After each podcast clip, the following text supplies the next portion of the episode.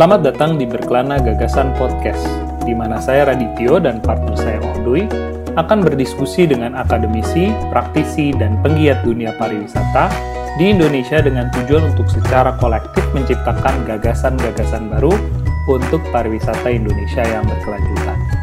Dalam episode kelima kali ini, kita akan berdiskusi dengan Wina Andriana yang sudah menekuni bidang kehutanan, lingkungan, dan ekoturism selama perjalanan karirnya. Kami berdiskusi mengenai bagaimana membangun koneksi dengan hutan, memaknai keangkeran hutan secara produktif, menciptakan pariwisata yang partisipatif, aktif, konservatif, dan apa makna ekofilia yang ideal. Selamat menikmati diskusi kami. Selamat pagi semuanya. Salam kenal nih. Terima kasih udah mampir, udah menyeruput kopi pagi nih di TDI Lab. Jadi uh, happy banget. Jadi memang pada dasarnya kita bikin podcast ini untuk mencari gagasan-gagasan lah ya intinya seperti itu. Jadi gagasan itu bisa ada di mana aja yang kami dari TDI Lab tuh yakini sebenarnya uh, setiap orang itu punya gagasan yang genuine gitu ya, mau dia praktisi, mau dia akademisi, mau dia observer, pemerhati dan segala macam. Nah, kita memang sedang uh, sesuai dengan temanya kita berkelana gagasan untuk mencari ada nggak sih gagasan-gagasan genuine ya, terutama uh, walaupun dia tidak sama dengan latar belakang tourism gitu, tapi mungkin pemikirannya gitu ya, terus kemudian hasil karyanya juga uh, ada kaitannya yang bisa diaplikasikan di dunia tourism. Nah mungkin itu uh, perkenalannya nih uh, Mbak Wine. Jadi uh, apa diskusi hari ini kita akan lebih banyak ngobrol tentang apa yang sudah pernah dan sering dilakukan oleh Mbak Wina sih sebenarnya. Nah, jadi mungkin uh, untuk memulai Nah, boleh nggak Mbak mungkin sedikit diperkenalkan dirinya? Mbak Wina ini siapa sih, ngapain, dan sebenarnya aktivitas apa yang sekarang tuh sedang dilakukan gitu? Monggo Mbak, silakan Mbak. Oke, okay, thank you Mas Yudo, uh, dan thank you juga untuk uh, timnya TDI. Saya uh, senang banget bisa uh, joining di ngobrol-ngobrol kita hari ini ya. Jadi uh, ya saya Wina, nama saya Wina Andriana. Uh, background saya kalau dari akad dari segi akademis memang orang hutan, kehutanan. Uh, jadi kebetulan latar belakang pendidikan saya dari uh, S1 sampai S3 uh, hutan semuanya. Uh, wow. Kemudian uh, untuk untuk pekerjaan profesional saya juga nggak jauh-jauh dari hutan sampai seka saya sekarang basisnya di Kanada. Jadi kita live dari Kanada okay. nih ya Mas Yudo ya di ibu okay, kota siap, di Ottawa. Uh, sekarang ini saya masih aktif di UNDP uh, Indonesia Badan Pembangunan PBB uh, apa yang yang uh, untuk country office Indonesia khususnya saya uh, mendu, apa mensupport untuk project-project biodiversity di Indonesia yang kaitannya juga ada kaitannya juga dengan uh, pariwisata dengan ekoturisme. Juga uh, sambil di karena masih di Kanada ya jadi saya belajar belajar uh, tentang hutan Kanada dan inspirasinya saya tuliskan di uh, Forest Digest untuk untuk bisa sama-sama kita saling belajar. Mungkin itu aja Mas Yudo buat pengantar dari saya.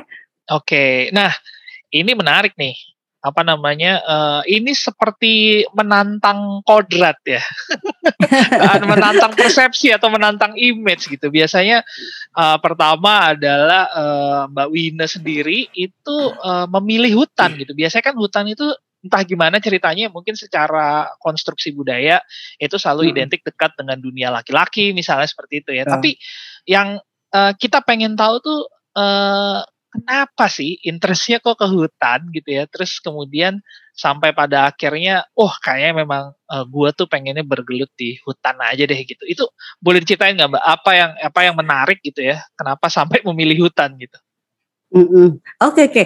ini pertanyaan Mas Yudo sama banget sama pertanyaan orang tua saya kayaknya waktu saya memilih Fakultas Kehutanan IPB ya. Oh gitu ya? Kenapa? ya, kenapa hutan? Kenapa ya? Senior ya. Karena beringat senior kayaknya. iya, jadi sebenarnya uh, ya. Kalau mau jujur nih ya, ini nggak ada senior di sini ya. Jadi saya sebenarnya terjerumus aja masuk ke hutan itu awalnya ya. Tapi uh, terjerumus, oh, terjerumus ke jalan terjerumus ke jalan yang benar. Jadi kalau kalau mau jujur awalnya nyemplung ke hutan itu kecemplung sebenarnya karena pada hmm. saat dulu kita masuk IPB tahunnya tit di ini ya di diskon ya tahunnya nggak usah disebutkan. itu uh, kita kan masuknya itu zaman dulu yang itu loh Mas Yudo yang tanpa tes kayak gitu kan. Jadi oh, kita udah iya, milih iya, kita iya. udah milih dulu.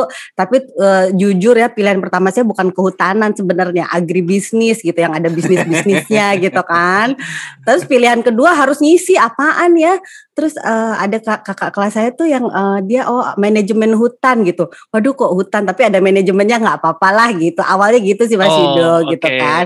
Jadi ya, aslinya ya, ya. sama sekali tidak kebayang gitu ya.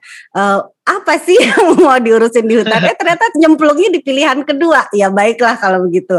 Sudah ditakdirkan untuk uh, mengenal hutan. Tapi itu tadi saya bilang ter, awalnya terjerumus ke jalan yang benar gitu. Karena dari, dari situ kemudian ternyata uh, apa namanya ada sebenarnya ada kesempatan loh kalau kita mau get rid of it tahun pertama kabur aja gitu istilahnya. Tapi yeah, ternyata betul, betul, betul. Enggak loh, awalnya juga benci banget gitu ya karena seniornya galak-galak gitu ya. Tapi setelah itu kayak kayak kayak nagih aja kayak kopi ya. Itu kan pahit ya kopi itu. Tapi Wah, kalau kamu sudah bisa ya. kamu sudah bisa menikmati uh, bitternya kopi itu kamu akan nagih dan you want to explore even more gitu. Nah, itu mungkin yang terjadi sama saya dengan hutan kayak gitu. Saya juga nggak kebayang dan mungkin males banget gitu loh bawa ke hutan gitu. gitu. Nggak kebayang anak SMA saya dari Solo waktu itu ya kok milihnya hutan gitu. Tapi ya begitulah awalnya ya. Dan akhirnya okay. kalau kalau saya nggak cinta hutan nggak mungkin saya sampai S3 masih ngambil hutan ya Mas Yudo. Nah, nah itu gitu. itu itu itu lanjut ke pertanyaan berikutnya tuh Mbak Wina. Siap. Artinya tuh artinya tuh gini, uh, Oke, okay, ini kan kecemplung ya, kecelakaan nih. Nah, tapi kan pasti ada satu titik akhirnya, oh emang gua harus di hutan sih gitu. Itu pas mm -hmm. kapan gitu dan apa mm -hmm. yang membuat itu menjadi tertarik untuk bisa menggeluti hutan gitu? Iya ya, itu dia sebenarnya kalau kecemplung udah aja keluar aja terus kabur uh, ya. Saya juga jadi mikir nih. Aduh, iya pertanyaannya kan? kan ini. Ada, ada satu titik kan, satu titik yang iya. akhirnya memutuskan, oh udah deh gue di hutan aja dan wah ini menarik banget gitu. Mm -mm. Kayaknya sih kalau kalau saya ingat-ingat lagi nih, ini bring back memories ya. Uh, itu kenapa kemudian jadi poin yang tadi uh, Mas Yudo sebutkan tuh saya rasa ketika kita praktek ya. Kalau mahasiswa kehutanan hmm. tuh sama lah kayak pasti kita kita diwajibkan untuk praktek. Ya ini nyebelin gitu ribet kan praktek itu. Kita benar-benar disuruh ke hutan. Nah di saat kita disuruh benar-benar ke hutan kemudian tidak hanya sekedar berkunjung ya ya Mas Yudo ya tapi kita di sana terlibat dengan masyarakat ngerasain betapa susahnya gitu ya tinggal di hutan tapi juga merasakan senangnya nilai hutan. Nah itu tuh jadi kayak kita kaya banget pengalamannya. Yang tadinya kita cuma di di kuliah itu belajar ini loh jenis pohon A B C D ada 80 jenis tuh ya yang kita kalau diuji pakai daun harus tahu nama pohonnya apa. Tapi begitu lo udah ke lapangan it doesn't really it doesn't really matter. You don't need to know the name of all of the trees. Tapi apa yang kamu dapatkan di hutan itu ya? Hmm. kamu ketemu dengan orang orang itu ngasih uh, bisa ngasih inspirasi kamu apa. Kamu bukan uh, ngasih pelajaran ke dia malah kamu belajar banyak banget dari dia. Dari situ saya tuh kayak yang oh my god that's so much I don't know of gitu. And that's so much I can learn from like dari orang-orang ini gitu. Jadi kayaknya itu momen yang yang kayak teng gitu. Oh oke okay lah. Let let's explore more gitu. Let's see gitu. Gitu. Okay, let's let's jadi, give Forest uh, a chance. Semester pertanyaan berikutnya semester berapa itu? hmm, kita tiap-tiap semester itu eh sorry, setiap tahun setelah tingkat dua ada prakteknya nih Mas Yudo. Jadi beda-beda. Okay. Jadi kalau praktek di di tingkat kayaknya kalau nggak salah mulai tingkat kedua ya Om ya. Jadi eh, pertama tuh yang deket-deket dulu. Jadi kita kan di yeah, IPB yeah, tuh yeah. di Bogor ya. Jadi yang deket dulu Jawa Barat dulu. Habis itu naik ke Jawa Tengah. Jadi mainnya di Jawa-Jawa dulu nih. Nah, udah tahun berikutnya lagi kita di challenge untuk ke luar Jawa karena beda banget Jawa dan luar Jawa ya. Jadi setiap okay. dan plus penelitian. Jadi setiap hmm. saat hmm. tiap tahun itu beda-beda experience-nya gitu. Ah, menarik, menarik, menarik. Berarti nah, ini, khusus uh, sebentar Mas Yudo. Iya monggo monggo. Berarti mungkin Mbak Wina nih habis uh, S2 dan S3 terus hutannya luar negeri gitu ya, khusus untuk Mbak Wina nih. Oh dirambah ya jadi, iya, jadi kebetulan ya. kebetulan jadi, begitu ya. Jadi pertama Jawa S1 gitu ya, terus tingkat 2, tingkat 3, tingkat empatnya Kalimantan, tingkat Paskanya itu sampai S3-nya mentok di Kanada ya, begitu ya Mbak Wina. Saya nggak nyadar tapi ternyata bilang begitu. mentok dulu dong Om Luki. Oh iya, jangan mentok Om Luki ya. udah bilang mentok aja nih. Siapa tahu mau jadi Richard Branson kan hutan Iya. selanjutnya di antariksa bisa juga. Oh iya juga. Di Mars ya, di Mars ya. Iya, Mungkin gabung sama Jeff Bezos ya. benar. itu post post graduate nanti itu. Iya, terus Post doktoral ya. Iya, iya. menarik ya karena kalau aku baca risetnya juga baca tulisan dari Mbak Wina gitu. Memang sebenarnya ada kebutuhan gitu dari setiap Oh. individu untuk punya kedekatan dan juga punya hubungan gitu ya dengan alam yang mungkin kalau boleh eh, Pak Yodo dan Om Luki nih aku pengen nanya nih mulai ke yang eh, apa namanya hubungan ya. Maksudnya lebih ke ke ke arah hubungan yang konteksnya sekarang di Indonesia nih gitu. Dalam artian sebenarnya kalau eh, apa namanya gimana sih sebenarnya hubungan yang ideal gitu eh, Mbak Wina antara individu dengan hutan. Mi- Misalnya aku contoh studi kasus yang yang menurutku cukup eh, hangat gitu ya di Indonesia gitu. Jadi aku seorang pencinta alam yang mendaki gunung sejak SMA sangat menyukai experience itu, tapi kita memiliki pendidikan dan pelatihan yang lama tuh dua tahun kita baru naik gunung gitu untuk akhirnya bisa menghargai alam, untuk akhirnya kita bisa uh, memaknai uh, apa namanya hutan dan lain-lain gitu. Nah, 2012 itu 5CM hadir sebagai film yang boom gitu kan uh, uh, dari dari adaptasi novel gitu. Dan akhirnya popularitas hutan jadi sangat tinggi dan itu bagus gitu karena orang ke. Tetapi terlihat ada hubungan yang cukup uh, tidak ideal nih antara hutan dan juga individunya gitu. Jadi individunya itu bukan nurturing kalau kata Mbak Wina tadi, tapi exploiting. Nggak semuanya, tapi ada yang seperti itu. Nah, jadi eksternalitasnya justru yang mencintai hutan jadi kabur. Aduh, magerah ke hutan karena Mm-mm. itu gitu. Apa namanya? Mm-mm. rame eh, eh, eh, apa namanya kumuh gitu dan dan tidak nyaman gitu nah gimana sih kita bisa bikin connection a- apa benar harus dari kecil tadi kayak anak-anak SD itu sehingga udah deket dan sayang atau sebenarnya ini sesuatu yang kita bisa kultivasi gitu? Eh, kalau menurut Mbak Wina gitu. Itu mungkin pertanyaan dariku mungkin nanti lanjut ke Pak Yudo lagi. Silakan Mbak Wina. Aku respon dulu ya ini ya. siap siap. Ah, Oke, iya, ah, thank you Mas Red. Iya tuh, jadi memang kayaknya kalau bagaimana kita memitigasi atau adaptasi dari dampak terhadap tadi misalnya contoh-contoh yang uh, unplanned uh, impact of uh, mass tourism misalnya ya istilahnya itu itu memang harus ditarget pada different level gitu siapa yang mau ditarget dulu. Jadi tadi kalau contoh ideal kita nurturing dari kecil uh, itu mungkin udah udah terlanjur lewat lah ya. Kalau misalnya ini targetnya adalah yang tadi misalnya uh, pecinta sokol pecinta alam tapi sebenarnya malah exploiting ya. Jadi memang strateginya nggak bisa nurturing lagi tapi harus uh, enforcing harus maksa gitu kan ya. Mau nggak mau gitu. Uh, tapi ya itulah peran dari pengelola pengelola kawasan wisata. Ada regulator di situ juga kan ya. Nah jadi memang uh, apa namanya regulator ini udah berperannya udah harus besar banget kalau sudah kondisinya sudah seperti itu. Ya dari segi regulasi jadi uh, apa pun desain tempat wisata itu nomor satu uh, selain gini ya kalau kita bicara turisme itu kan uh, ini pakar turisme semua nih ya tapi ini yang dari uh, pengetahuan saya paling nggak ada tiga unsur ya.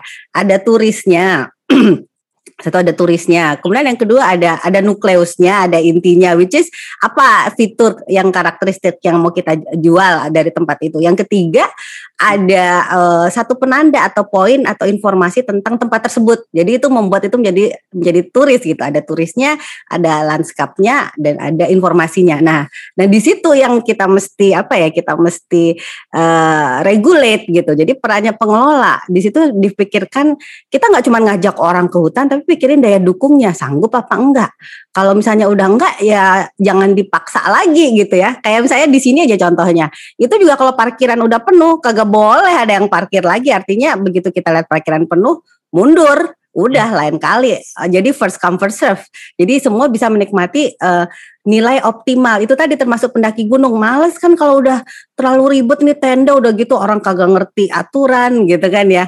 Jadi memang harus ada edukasi yang dipaksa. Jadi saya kayak di di mana tuh disuruh balik lagi. Kalau misalnya ada sampah yang ketinggalan Uh, jadi gini, pas pendaki masuk tasnya diperiksa gitu ya.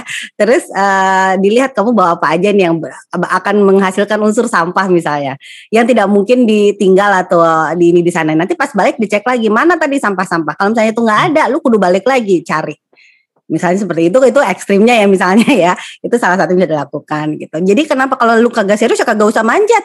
Emang manjat itu nggak cuman cuman mau seneng seneng doang tapi kamu harus jadi bagian untuk menjaga lingkungan. Dan itu tadi memang harus disiplin harus harus harus kejam juga at one point karena this is nature gitu. We we we we we not I mean we owe to the nature gitu kan. Jadi ya itu dijaga. Tapi memang it's easy to say ya Mas Radit ya.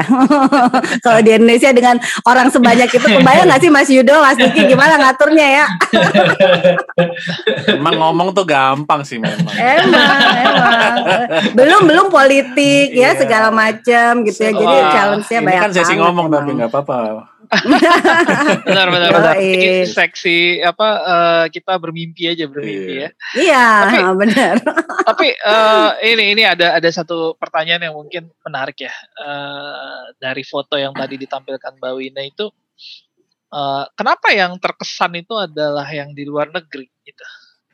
Artinya uh, apa uh, tidak adakah gitu pengalaman uh, Mbak Wina dan hutannya gitu yang sebenarnya dalam konteks Indonesia tuh punya uh, mungkin apa ya uh, meaningful gitu dari sisi pengalaman Bawina dan hutan di Indonesia misalnya.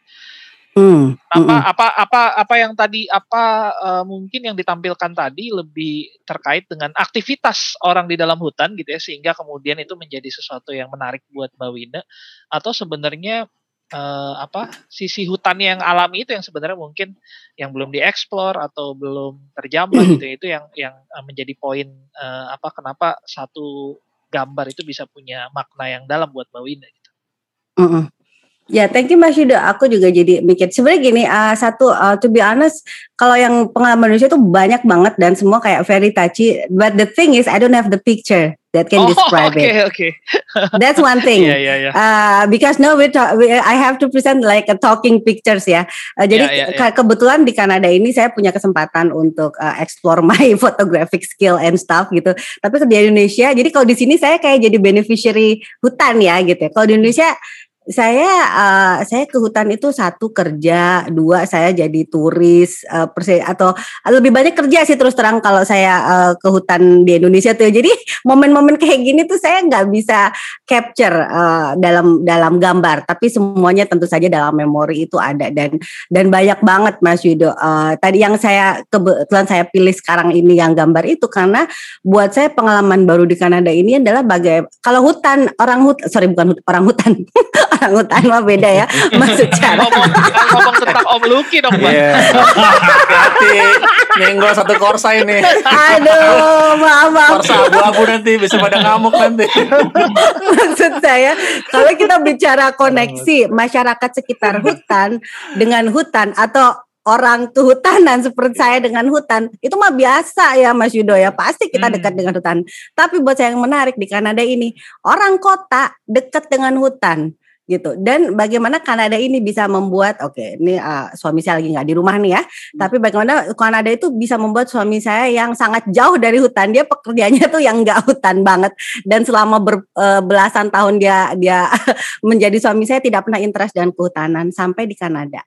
Karena apa? Karena ya memungkinkan aja karena karena di sini sudah didesain untuk orang menjadi dekat dengan hutan. Itu buat saya bahkan yang keluarga terdekat dengan saya itu teracuni dengan hutan karena di sini uh, dibu orang dibuat seperti itu gitu lah. Jadi menurut saya itu menarik buat saya pengalaman karena setiap tempat beda ya Mas Yuda ya kita belajar sesuatu. Even di Indonesia dari berbagai tempat kita belajar sesuatu yang berbeda. Nah di Kanada ini itu yang menarik buat saya. Bagaimana orang kota bisa dekat dengan hutan gitu. Oke. Nah, saya jadi pengen nyambung uh, hubungannya dengan pertanyaan Mas Tio tadi gitu. Uh, mm -hmm.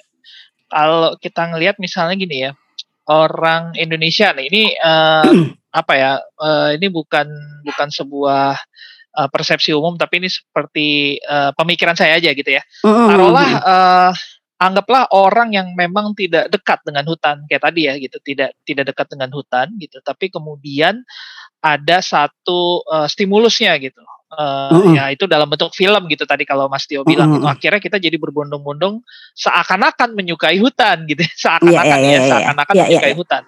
Tapi sebenarnya kan kasus yang sama itu juga uh, terjadi pada uh, suami Mbak Winda gitu yang sebenarnya bukan orang hutan gitu ya, tapi terus kemudian uh, bisa tertarik pada hutan. Ini kan sebenarnya yeah. dua-duanya sama, cuman stimulusnya yang berbeda atau intervensinya Betul. yang berbeda gitu. Yang satu intervensinya dalam bentuk uh, apa? Film mungkin gitu ya sehingga orang tertarik untuk datang ke hutan dan kemudian seperti menyukai hutan. Atau misalnya dalam kasusnya Mbak Winnie ini adalah uh, orang yang tidak dekat hutan uh, tidak dekat dengan hutan gitu ya terus tiba-tiba datang ke hutan karena memang hutannya sendiri mempunyai uh, daya tarik atau intervensinya itu membuat hutan itu jadi menarik sehingga orang kemudian tidak seperti menyukai hutan tapi akhirnya menyukai hutan. Wah ribet gak nih kata-kata yeah, yeah. saya ribet ribet tapi paham Mas Yudo. Dia udah ini pernyataan Mas Yudo udah kayak hutan belantara aja udah, belantara ya? Pengaruh background zoomnya ini. hutan ya? Iya. Sosmo jangan masuk masuk ke hutan om. Nah itu itu yang, yang hutan ini. Iya mensosmokan hutan ya jadi. Tapi saya jadi pengen nanya gitu Mbak Wina sebenarnya yeah, yeah. gitu gitu ya mengedukasi yang efektif kayak apa sih karena dua-duanya sebenarnya mengedukasi mengedukasi yeah. kan sebenarnya bentuknya mm -hmm. film sama bentuknya yang hutan mungkin dikemas dengan menarik gitu tapi bener, kenapa bener, outputnya bener. outputnya jadi berbeda apakah ini kultur orang kita gitu ya uh, -huh. atau sebenarnya uh, apa gitu kalau menurut Mbak Wina Nah, menarik nih Mas Yudo. Jadi saya juga jadi mikir. Tadinya nggak mikir ya. Jadi karena kita ngejalanin aja. Tapi karena ditanya begini saya jadi mikir juga. uh, jadi bener-bener. Jadi gini. Uh, kalau suami saya kalau sekarang ketagihan ke hutan itu selain karena di sini memungkinkan dari segi aksesibilitas, tapi juga ada racunnya, which is me gitu ya. Jadi ada ada tetap harus ada dalam tanda kutip kayak uh, bukan edukator sih, kayak fasilitator. Kayak tadi misalnya nih Mas Radit udah pecinta alam nih ya. Jadi untuk untuk ada temen yang untuk gunung lagi yang istilahnya dari zero akan sangat baik kalau dia didampingi oleh orang yang udah paham dulu gitu loh. Jadi ada kayak edukasinya gitu. Walaupun tidak secara langsung edukasi ya, tapi palingnya ngasih contoh gitu kan yang paling gampang. Jadi jadi gini, kalau untuk kasus yang uh, khususnya suami saya ini, jadi awalnya tuh males banget mas dia ke hutan walaupun udah ada hutan di sekitar kita dia males lah. Satu kali saya ajak hiking gitu ya.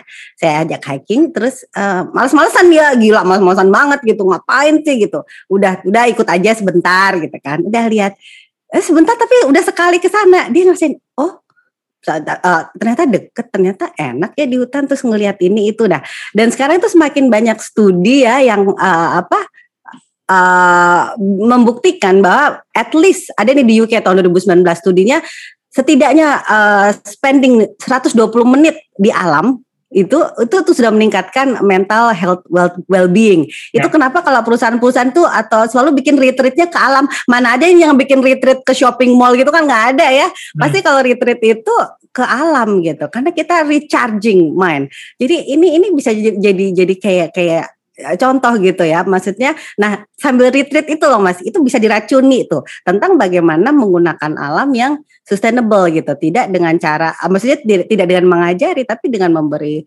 contoh gitu atau apa. Tapi intinya gitu sih mas. Memang nggak bisa dilepas begitu saja tapi ya tetap harus ada kontrolnya gitu supaya nggak jadi masif yang yang dampaknya malah un, unexpected gitu kan ya. Terus kemudian kalau ini lagi mau bicara koneksi uh, nature is good ya tapi even even fake nature has benefit loh. Fake hmm. ya fake nature. Fake nature dalam artian itu tadi uh, nature yang nggak langsung gitu. Misalnya lukisan lukisan uh, di dinding. Kemudian suara-suara air gemericik Bayangin kenapa sih kok ada suara gemericik air di resto, di cafe atau di rumah kita untuk meningkatkan mood. Kita kan dengar suara gemericik air aja itu padahal fake ya. Bayangin dong kalau kita dengerin langsung air terjun dari curug mana lah kebayang gitu kan nikmatnya seperti apa. Jadi dengan fake-fake nature yang ada yang yang bisa ditekatkan dengan orang-orang kota ini bisa menjadi racun gitu ya untuk visit the real nature. But again harus ditemani dengan uh, edukasi. Tidak hanya let's visit let's visit gitu ya, tapi uh, oh. how dan uh, what can what can you do more atau yaitu what not to do what what to do tapi dengan cara yang nggak ngajarin banget lah. Orang kota kan pasti nggak suka lah kalau terlalu diajarin ya. Tapi mungkin ya inilah orang-orang komunikasi yang punya strategi handal gimana caranya. Di situlah peran dan asetnya yang harus kita optimalkan. Berarti berarti ini ya mbak Wina uh, berarti Singapura tuh gawat banget ya. Dia bikin mall yang dalamnya itu nature loh Jewel namanya. Ya, oh iya iya ya itulah. Itu fake nature kan. Iya, itu fake nature banget gitu. Uh, tapi ya masih penting lah. Dia dia uh, masih ngasih tetap ada benefitnya itu untuk mental health well-being daripada sama sekali enggak istilahnya gitu kan. Tapi ada ada di mana sih baca even fake nature still has the benefit gitu. Artinya tapi ngapain lu nyari yang fake nyari yang real dong gitu kan? Masa yang KW sih gitu. Ya, tapi ini berarti satu yang meng-highlight eh, apa eh, temuan Mas Tio tadi begitu ada intervensi film terus kemudian orang berbondong-bondong tiba-tiba seperti menyukai hutan ya. Kata Mm-mm, seperti itu jadi penting tuh buat orang kota kan. Nah, berarti sebenarnya minus di situ sebenarnya yang terjadi adalah minus edukasinya berarti ya Hmm. pada saat Iya. dia datang ke Nah, hutan betul. gitu ya. Betul. Dan di film itu juga harus sudah ada unsur edukasinya. I mean, do, do not just introduce, you know, like like oh ini landscape-nya cantik, come and visit. Tapi jangan lupa Hmm. setiap promotional video, setiap whatever yang promoting landscape, jangan jangan hanya promote like the looks, but uh, how can we connect with it? In a in apa ya dengan cara yang tidak destruktif tidak merusak gitu tapi juga dikemas gimana lah supaya nggak jadi kayak ngajarin atau membuat orang males gitu kan nah itu itu challenge-nya untuk para pebisnis pelaku wisata dan eh, inilah akademisi akademisi seperti bapak dan ibu-ibu eh ibunya saya Ayo, doang ya, ibu yang mana? Pendengar mungkin, pendengar, pendengar mungkin. para pendengar ke- betul Ke Mas Luki maksudnya, mungkin dia Mbak Luki ya. saya nggak berani ngomong Mas Luki ya Iya, tapi aku kalau nambahin tadi statement dari eh, Mas Yudo nih terkait dengan Singapura ah, bikin jewel gitu di tengah itu, Mm-mm. menurutku adalah desperate needs-nya mereka untuk connect sama Betul. hutan karena nggak ada gitu Betul. kan. Karena teman-temanku Mm-mm. yang tinggal di Singapura itu pasti ya sebelum pandemi ya rela-rela ke, ke Malaysia hanya untuk reconnect with nature. Jadi kalau aku tangkap sebenarnya magnetnya tuh udah ada gitu. Eh, even Mm-mm. misalnya orang yang nggak suka tuh kayak awalnya ogah-ogahan pas nyampe sana eh some there's some part in me uh, like this gitu kan. Ada yang suka Iya, nih gitu dan dan Mm-mm. 120 menit itu menjadi sesuatu yang sangat menarik sebenarnya untuk diedukasi. Mungkin salah satu juga infrastruktur kali ya. Kalau di Indonesia mungkin harus diperbaiki dan pembudayaan di dalamnya gitu. Nah, betul banget betul banget Ya, ya, ya, ya. Nah, ngomongin pembudayaan nih, kalau boleh melanjutkan pertanyaannya, Mbak Wina. Jadi ada budaya yang unik, mungkin universal, tapi ini juga uh, temuan yang kita relevan lah di di Indonesia yaitu hutan asosiasinya gitu ya dengan uh, angker gitu. Jadi ya hubungannya jadi mixed relationship juga nih, kagum dan takut gitu ya. Takut Benar, ka- benar. kagum karena keindahannya, takut karena keangkerannya gitu dan dan dan dan mungkin itu menjadi sesuatu yang yang kerap kali mengurungkan niat gitu ya. Eh, misalnya contoh misalnya eh, apa istri saya sangat takut gitu ya dengan film misalnya modus anomali yang di hutan terus kayak gitu sehingga dia jadi cenderung eh, eh, reluctant gitu. Nah, Dan lagi-lagi maaf yuk. Ah, Dan lagi-lagi lagi-lagi eh, apa namanya? Film ya? dari film sama dari itu yang terakhir tuh KKN di Desa Penari itu kan hutan. Iya. banget. itu hutan banget tuh ya kan Iya. gini bambu aja loh bambu aja Dan- udah Dan semua orang tiba-tiba berasumsi bahwa oh hutannya tuh di Banyuwangi, di Banyuwangi. Iya. Jadi pencitraannya begitu lah ya hutan ya. asosiasinya asosiasinya kuat sekali asosiasi dan Mm-mm. even gitu di kalangan misalnya kalangan pecinta alam itu yang paling bisa dua jam tiga jam ceritanya itu itunya gitu jadi mungkin Mm-mm. cerita satu jam tuh kalau lagi di gunung cerita tentang ya eh, ospeknya. Dua jam tiga jam tuh wah ada yang terbang ada yang apa? Itu yang seru banget gitu. Jadi ini menurutku juga nggak nggak takut juga ada ada tertariknya gitu. Nah ini kan menarik ya jadi takut Mm-mm. tapi tertarik. Karena kalau takut bener-bener kita kan nggak ngomongin tiga jam ya orang yang dari jauh itu ah nggak mau denger lah tapi pelan-pelan nguping gitu kan dia kayak tertarik ya gitu Iya iya iya. Nah, terus aku baca gitu ya, menarik ada uh, tulisan dari uh, Mbak Wina tentang mengelola keangkeran dari hutan. Nah, ini menurut menurut aku menarik sekali sebagai topik gitu ya. Boleh diceritain nggak itu apa dan dan dan dan dan bagaimana nih ngerelate ke pendengar-pendengar di Indonesia khususnya yang memang uh, uh, relate dengan cerita itu ya, keangkeran di hutan itu. Itu mungkin kalau dari aku pertanyaannya. kalau dari aku Mm-mm. tuh bilangnya angker kok dikelola.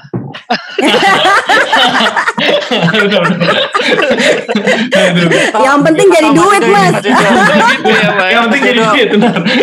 Wina kelola kok diangkerin. Itu lebih aneh lagi. Kelola kok diangkerin. Ah itu ya. Itu nggak pas ya kalau kelola kok diangkerin. maksa, maksa. Kalau itu maksa Lu yang ngajarin Iya. Mbak Wina. Iya. Sip, sip. Thank you, thank you. Iya, eh, pertama kasih udah mampir eh, baca eh, artikel sederhananya itu ya di Forest Digest ya. Jadi eh, itu tadi memang kalau udah stigma branding itu susah ya. Nggak nggak mungkin enggak hutan itu nggak ter, ter apa ya terasosiasi dengan angker. Tadi kalau kita lihat eh, definisi angker itu kan tampak seram. Kemudian eh, apa namanya? tidak semua dapat menjamah karena berhantu gitu. Itu itu definisi KBBI loh ya, definisi KBBI. Kayak gitu saya juga baru tahu gitu pas nulis itu bahwa definisi angker seperti itu gitu ya. Jadi eh, tapi ya itu dia tulisan saya sebenarnya terinspirasi dari saya ikut jalan-jalan ke hutan malam-malam. Saya ini orang yang sangat takut nonton film horor gitu ya. Benci banget sama film horor tuh, tapi suami saya penggemar film horor. Jadi saya tahu tuh kalau kalau hutan jadi gimana mau romantis ya diajakin nonton film horor gitu kan males banget kan. Nah, nah tapi terus eh, apa namanya? saya eh, ikut tur malam-malam ke hutan kok yes ya bukan serem ya gimana ya cuman cuman kemudian ada nilai lain yang saya dapat dari ikut tur hutan di Kanada malam ini karena dia menjual eh, apa keangkerannya menjadi sesuatu yang menjual gitu loh. Itu yang saya bilang mengelola. Artinya gini mengelola untuk apa sih? Ya udahlah jujur aja lah kita namanya wisata kalau nggak ada duitnya masa kita mau bikin wisata gitu ya. Satu itu harus ada nilai ekonominya gitu. Dua tapi juga berbarengan dengan nilai kelestarian. Jadi bagaimana keangkeran itu equal to kelestarian hutan gitu kan yang itu itu yang ya, mimpi mimpi kita. Kita bersama dan sebenarnya bukan mimpi banget karena di beberapa negara itu sudah bisa terwujud gitu ya. Nah sekarang gimana kita me- eh, apa namanya mencoba merubah eh, apa stigma angker itu dengan sesuatu yang menjadi tidak terjamah menjadi sesuatu yang eh, lebih diapresiasi gitu. Jadi eh, instead of eh, dark tourism kalau kita bilang dark tourism itu mungkin ada yang udah spesifik interest pasti akan tertarik tadi ya kayak teman-teman Mas Radit serem-serem tapi pengen tahu juga gitu kan. Iya, nguping, Tapi- nguping, dengerin terus. Nah, tapi tapi mungkin juga mereka tertarik karena ada sisi darkness-nya itu bukan berarti untuk peduli ke hutannya per se gitu, tetapi karena ada Hmm. sisi itu loh yang eh, ingin tahu kemudian karena udah punya spesifik interest tapi bagaimana membuat yang angker ini menjadi lebih lebih eh, aksesibel ke event yang lain gitu ya nggak tertarik dengan horor. Kita kemasnya bisa menjadi heritage tourism. Karena heritage Hmm. heritage itu uh, ada nilai apa di situ? Ada nilai historis, ada nilai spiritual, ada nilai tradisi, nilai budaya masyarakat adat. Jadi kenapa sih kok angker? Ya karena uh, karena di situ adalah hutan yang uh, ini dalam nenek moyangnya itu itu nggak boleh datengin. Sebenarnya karena apa? Karena supaya pohon-pohonnya nggak rusak gitu. Kalau didatengin, uh, kemudian apa orang nebang pohon, kemudian binatang-binatang jadi nggak punya rumah dong di situ. Jadi kemudian itulah kemudian disebut angker karena mungkin dari dulu jangan ke situ, jangan ke situ gitu ya, karena angker. Nah, Hmm. walau alam kalau kemudian ada penampakan-penampakan itu bonus ya mungkin ya. tapi kita jangan ngemasnya itunya. Tapi kenapa kok jadi angker? Kenapa kok jadi nggak terjamah? Itu actually uh, for the sake of uh, the sustainability forest, of the forest and to maintain the value of the tradition because uh, some of the tree species itu cuma ada di wilayah situ. Kalau kita bicara taman nasional misalnya ya, taman nasional itu ada banyak zonanya. Jadi kalau kayak misalnya uh, layers gitu ya ada zona 1, zona 2, zona 3. Yang zona 2 dan 3 bisa untuk dimanfaatkan. Artinya bisa untuk jadi uh, didatengin oleh masyarakat untuk jadi turisme, untuk di dimanfaatkan uh, hasil hutan non kayu. Tapi ada juga zona yang namanya zona inti itu nggak boleh dijamah sedikit pun. Nah itu kadang yang angker itu di situ sebenarnya. Tapi kenapa itu angker? Karena itu adalah eh, habitatnya tiger misalnya. Kita kalau ke Hmm. hutan kita seneng ketemu binatang burung yang lucu. Tapi jangan sampai amit-amit lah ketemu sama tiger gitu kan gitu. Uh, they, they should be kept di zona inti. Nah, zona inti itu yang kemudian ini yang harus diedukasi ke masyarakat. Itu angker itu sebenarnya bukan berarti jelek, tapi angker ini untuk melindungi apa yang ada di situ gitu. Dan kita bisa menjadi part melestarikan itu dengan uh, ikut tahu tadi ya, kita tahu cerita itu, tapi kemudian untuk apa? Untuk kita ikut melestarikan nilai-nilai yang ada di situ. Jadi yang kalau ya inilah per- sekali lagi peran pelaku wisata di situ. Jadi kayak tuh guide-nya gitu itu bisa mengemasnya itu dari segi eh, heritage-nya gitu. Sekali lagi ini mimpi ya. Mimpinya seperti itu ya. Uh, kalau tapi saya saya lihat sudah beberapa mulai paling enggak di beberapa proyek yang saya kerjakan kita sudah mengarah ke situ gitu. Karena aku melihat malah itu menjadi sesuatu aset yang kuat gitu ya, yang justru nah, jadi dikelola karena sebenarnya Benar. ada bu, apa terrangkum atau mungkin terkumpul dari situ nilai historis, nilai budaya, nilai tradisi yang actually menarik gitu ya kan sebenarnya actually menarik uh, buat dan sebenarnya hutan Indonesia nggak termasuk di lima hutan terseram sedunia loh ya, ya aku udah tahu yang, yang paling ngeri kan yang itu mbak Wina yang di Jepang ya yang bunuh diri iya. ya, hutan nah ya. Nah hutan kita kan nggak kayak gitu ya, cuy. Yeah. Jadi we we we are, we have more like positive side of the angkerness gitu ya kalau ya. kita bisa bilang. Tolerable lah, tolerable lah. tolerable. Nah, kalau yang di Jepang itu loh, apalagi yang di Jerman Dark Forest itu aku ngelihatnya udah depres gitu. Karena feeling depresnya tuh kuat sekali ya kayaknya yang lihat seragam semua terus hitam semua gitu kayak langsung aduh. Tapi bayangin aja loh tuh Mas Radit yang di Rumania uh, film juga bisa berdampak positif karena gini, yang yang film Dracula itu loh, itu kan hmm. hutannya di Transilvania ya. Tapi Transilvania itu hutannya menjadi terjaga dan terhindar dari uh, dari proyek pembangunan untuk digusur, untuk ditebang karena uh, ada film Dracula itu. Jadi maksudnya itu istilahnya rumah Dracula itu uh, di hutan itu ya. Saya lupa nama hutannya ada di Forest Dajis ya saya tulis ya. Tapi artinya apa? Masyarakat diajak untuk berkunjung ke hutan itu sambil lah kalau yang peminat itu membayangkan film Dracula, tapi sebenarnya itu mereka mereka juga berkontribusi untuk menjaga supaya hutan itu tetap menjadi spot tourism, enggak diapa-apain, uh, tetap untuk uh, enggak dibuka untuk ekonomi, maksudnya dibangunin jadi gedung-gedung atau apa karena dia bisa menjual nilai nilai dark tourismnya di situ gitu. Hmm. Dracula Jadi, uh, save the construction. Dracula for the forest, Dracula for the forest. save us. Besok dia jadi major tuh di sini. dari jadi jadi itu bupati ya. Jadi bupati. Nah, tuh. coba kita cari yang kayak kayak gitu tuh Mas Yudo, Mas Adit. Ada nggak sosok yang bisa jadi yang dari segi keangkeran tapi kemudian membawa positivity gitu ya. ya itu ya. yang kudu kita explore more gitu. Ya. Tapi Maluki mungkin ya Maluki. iya nih, Om, Om Luki nih harusnya nih. Iya harus kita taruh di hutan nih kayak Mbak Wina. Oh kayak gini-gini, kesannya gue jadi ini kuncen gitu ya. menjaga hutan, menjaga hutan bagus, menjaga warna kan kemarin. Menjaga warna, slash kuncen. Iya. Forest art nanti ya. Forest art.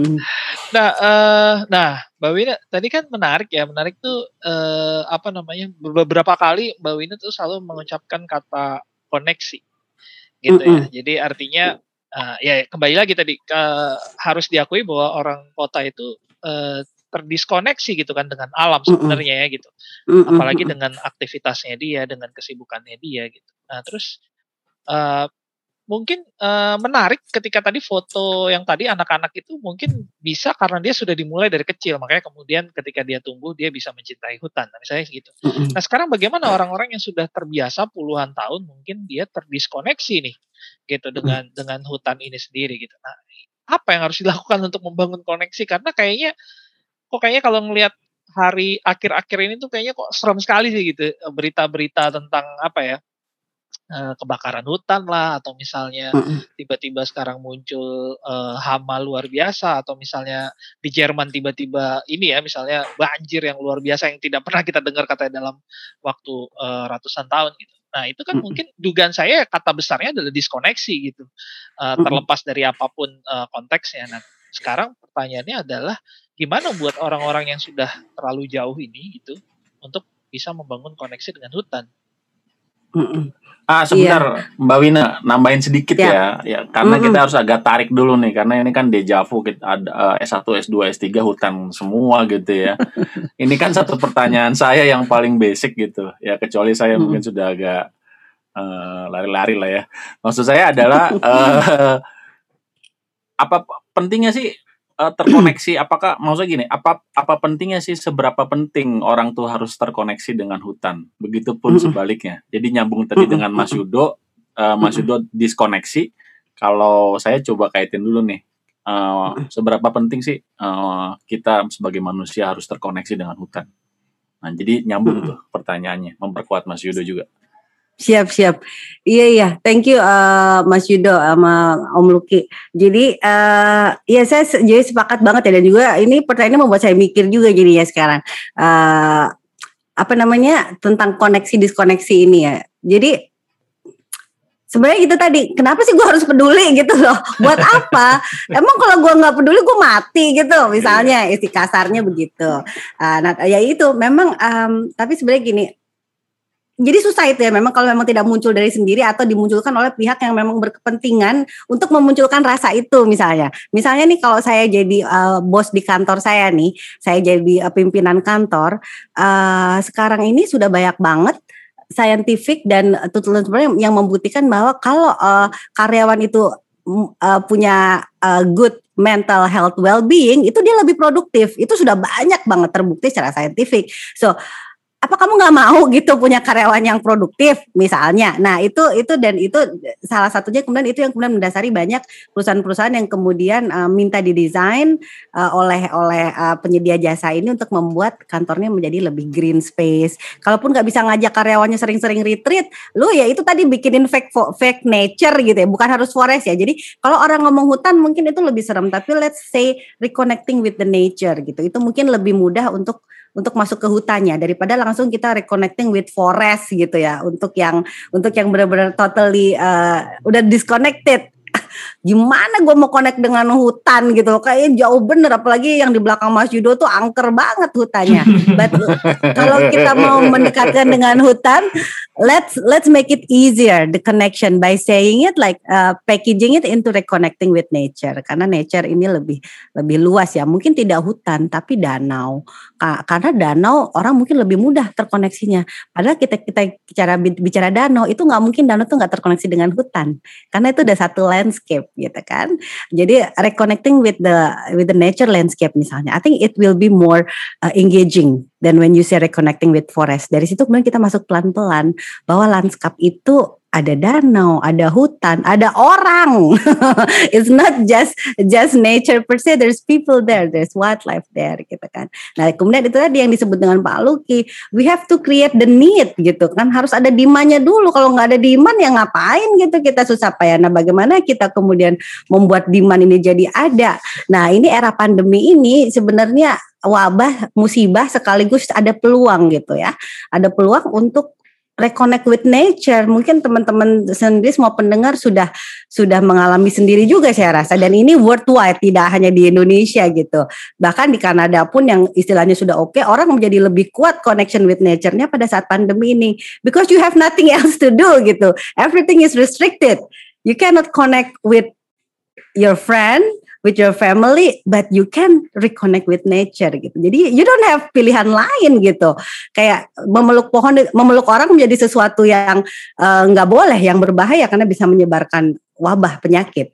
Tapi memeluk pohon it will give you banyak uh, stimulan hormon-hormon yang kemudian uh, bisa membuat uh, mental kita menjadi lebih sehat, Mas. Jadi dan itu reconnecting with nature tidak harus dengan pohon ke hutan, tapi ya itu dengan kamu gardening, itu adalah alam juga. Jadi bagaimana membuat alam itu dekat dengan manusia dengan cara yang paling sederhana. Udahlah kita nggak usah muluk-muluk kamu dekat dengan hutan, tapi dekatlah dengan alam sekitar kita. Misalnya, what what is your green space in your surrounding? Nanti dari situ baru bertahap pelan-pelan. Itu makanya tergantung nih Mas Yudo, Mas Huki, siapa sih yang mau jadi pendorong ini gitu. Apakah uh, kalau di sini gitu pemerintahnya merasa itu penting gitu karena mereka mau warganya sehat. Nah, pemerintah kita merasa ini penting apa enggak?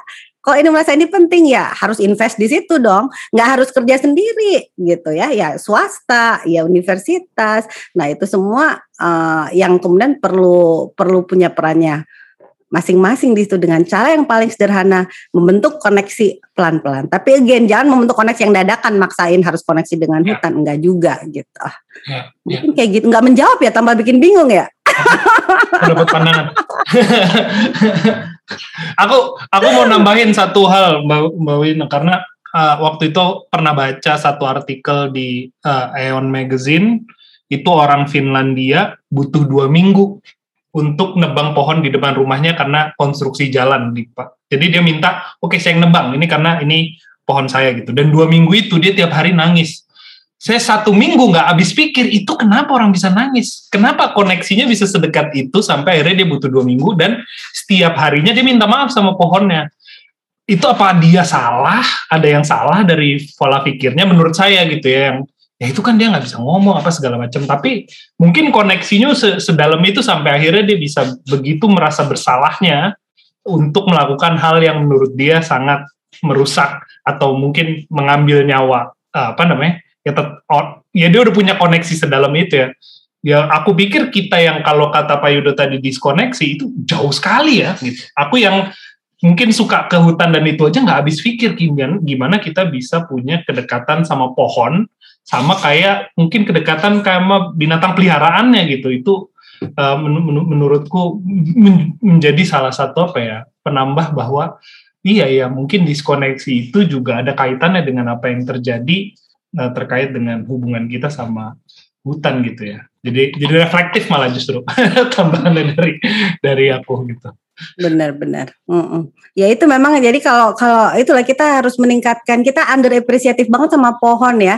Kita kita sudah bisa appreciate orang kota nih appreciate pet misalnya. Kita kalau wildlife di hutan jauh lah ya. Jadi kita cukup tahu tiger, kita kita berkontribusi dengan harimau dengan cara misalnya kita dukung kampanyenya. Kita kasih dana untuk konservasi ya kalau orang kota ini tidak bisa langsung ikut patroli ke hutan, tapi kamu tetap bisa terkoneksi loh sama harimau. Kebetulan saya juga bekerja di project uh, Sumatera Tiger Conservation ya. Jadi jadi di sini challenge-nya adalah bagaimana kamu mengkoneksikan si harimau yang ada di zona inti dengan masyarakat kota gitu. Kamu bilang harimau-harimau itu penting, tapi buat apa pentingnya buat orang kota gitu. Nah ini kan koneksi ini yang harus ini lebih jauh lagi ya Mas Yudho lebih pusing lagi bukan cuma hutan tapi di dalam hutan itu ada apa. Dan itu itu itu challenge banget. Nah yang sebenarnya perannya orang kota di situ apa sih? Ini yang harus di, kita kasih channelnya kan. Gue pingin bantu konservasi harimau but how? Gue nggak bisa ikut patroli coy gitu loh. Gue nggak berani juga ke hutan gitu kan. Jadi gue bisa apa? Nah gue bisa donasi misalnya tapi harus diperjelas. Donasi gue ini larinya ke mana gitu. Misalnya jadi gue, saya, maksudnya saya pernah nih, saya, uh, Win, lu tuh project-project harimau, emang terus gue mau bantu, gue lu, lu suruh ngapain gitu kan? ya kayak kayak gitu. Nah kadang kita project kita juga lupa, lu nyuruh orang mendukung konservasi harimau, tapi lu nggak ngasih tahu lu caranya gimana bisa ngedukung, uh, I mean real actionnya itu apa gitu. Benar itu kan dia, dia mm -mm. gimana mas? Sorry. Uh, gak apa-apa mbak, silakan duluan nanti aku baru udah udah udah maaf, udah maaf. selesai. Oh udah. Wina nih. Aku jadi gak enak deh dihilang semua sih lo bro. Lo maaf maaf. Udah nih jadi ngomong-ngomong langsung potong langsung iya. dia. Dia kalau udah nyerocos maaf, jangan dipotong. Langsung lupa dia ngomong. Enggak bohong dia bohong. Terus gimana sih dah uh, enggak kemarin kemarin kita baru ikut ini apa uh, cerita dari ini ya apa uh, tentang bahwa manusia itu adalah anak bintang. Itu juga sebenarnya menarik ya, yo. Mungkin hmm. Tio ingat ya bahwa apa sih hubungannya rasi bintang dengan kehidupan manusia? Ini kan sebenarnya mirip dengan apa hubungannya hmm. harimau dengan kehidupan saya yang di kota gitu. Jadi artinya uh, diskoneksi diskoneksi itu kan memang uh, terjadi ya gitu. Nah, uh, yang yang saya justru pengen tanyakan itu adalah lebih gini gitu. Jadi misalnya kalau kita balik ke tourism gitu ya, uh, artinya tourism sebagai salah satu uh, perajut untuk bisa mengkoneksikan uh, manusia dengan alam lah contoh seperti itu gitu. Nah, jadi uh, harus seperti apa sih sebenarnya gitu untuk membantu membantu apa namanya uh, koneksi itu supaya terajut buat si orang-orang kota tadi ya? Karena kan Mbak Wina sendiri kan juga ikut mengkampanyekan ekoturism nih gitu. Jadi artinya uh, apa ini sementara udah jauh sekali gitu. Apa sih hubungan saya dengan harimau atau apa saya hubungannya dengan uh, rasi bintang? Sementara kalau kita bicara rasi bintang dengan suku Bajo sangat dekat karena dia yang membantu mm -hmm. navigasi dia di laut misalnya itu sangat kelihatan mm -hmm. dampaknya buat dia. Tapi untuk buat kita gitu kadang-kadang ngelihat bintang aja nggak tahu sebenarnya apa hubungannya bintang dengan kita karena jauh kan gitu. Begitu juga dengan harimau gitu. Nah sekarang apakah bisa gitu ya tourism itu memang bukan cuma dari punya nilai ekonomis gitu karena banyak orang selalu beranggapan bahwa tourism tuh uh, harus selalu ada kaitannya dengan nilai ekonomis ya sehingga itu bisa bisa jadi sustainable gitu. Tapi sebenarnya dari sisi ini gitu membangun koneksi apakah itu bisa menjadi sebuah tujuan ekoturism itu gitu atau seperti apa sih menurut uh, Mbak Wina yang mengkampanyekan ekoturism ini gitu? Mm -mm. Thank you Mas Yudo. Iya, benar banget ya. Jadi turisme tadi kenapa sih uh, saya terkesan dengan semakin terkesan dengan hutan ya. Tadi kalau kembali lagi ke awal pertanyaan pertama Mas Yudo untuk triggering ngobrol ini adalah karena hutan itu bisa jadi konektor atau menjadi gateway ke berbagai ilmu dan bidang kepraktisan segala macam gitu ya. Ada ini dan itu tadi yang uh, bahwa semua pihak, semua bidang keilmuan, semua bidang praktisioner bisa ambil bagian di hutan. Nah, tourism ini besar banget uh, bagian apa namanya role yang bisa dimainkan oleh tourism untuk hutan. Gede banget, gede banget. Dan itu pada adalah sektor yang sangat nggak life sciences ya. Kalau awalnya hutan itu life sciences banget gitu.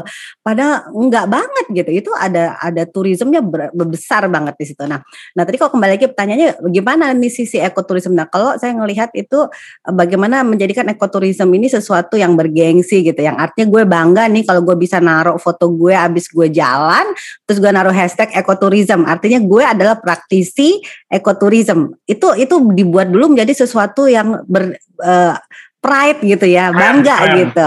Keren. Nah, itu itu mah PR-nya Mas Radit sama Mas Yudo sama Mas Luki ya. Saya nggak ngerti tuh gimana caranya membuat itu itu menjadi sesuatu yang tren atau seksi. Nah, tapi kita kasih channel juga gimana supaya gue ini layak naruh hashtag ekoturism gitu, nggak cuman klaim aja. Nah, itu dikasih jalan ada tiga minimal yang uh, bisa jadi kayak checklist gitu. Uh, gimana sih supaya gue bisa klaim gue udah berkontribusi untuk ekoturism.